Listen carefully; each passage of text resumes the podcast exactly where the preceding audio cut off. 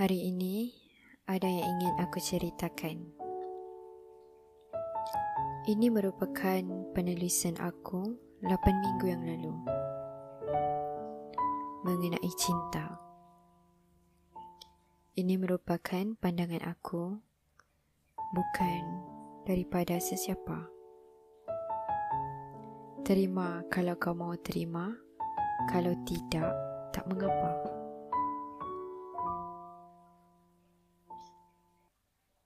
Kita selalu dengar bahawa cinta itu satu perjudian. Dan mengapa aku rasa ianya betul? Ada sebabnya. Kau letak hati dan perasaan sebagai barang taruhan dalam cinta. Kau tidak tahu siapa yang akan menang. Sama ada kau dan dia atau kau atau dia. Faham maksud tu? Fahamkan. Jikalau kau dan dia menang, maka tidak retaklah dua hati yang ditaruhkan.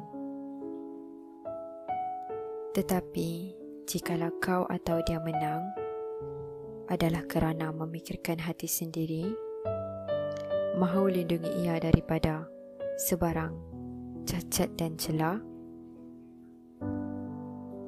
sudah pasti barang taruhan satu lagi pihak akan hancur berderai. Tetapi ingat, mungkin pada saat itu, barang taruhan pihak lagi satu tu juga sudah rosak. Sudah mengalami retakan, sudah mengalami kecacatan. Tak mengapa. Kadang kau atau dia perlu letak hati sendiri di tempat yang lebih tinggi.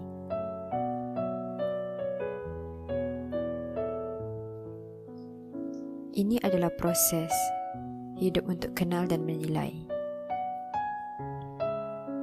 Kau berjudi untuk mengekalkan benda yang tidak pasti.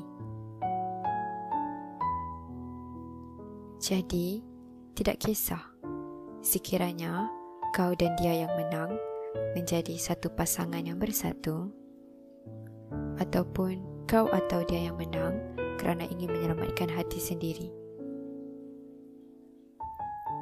kerana kita manusia tidak mengetahui mengenai hal penepit hati. Selamat malam.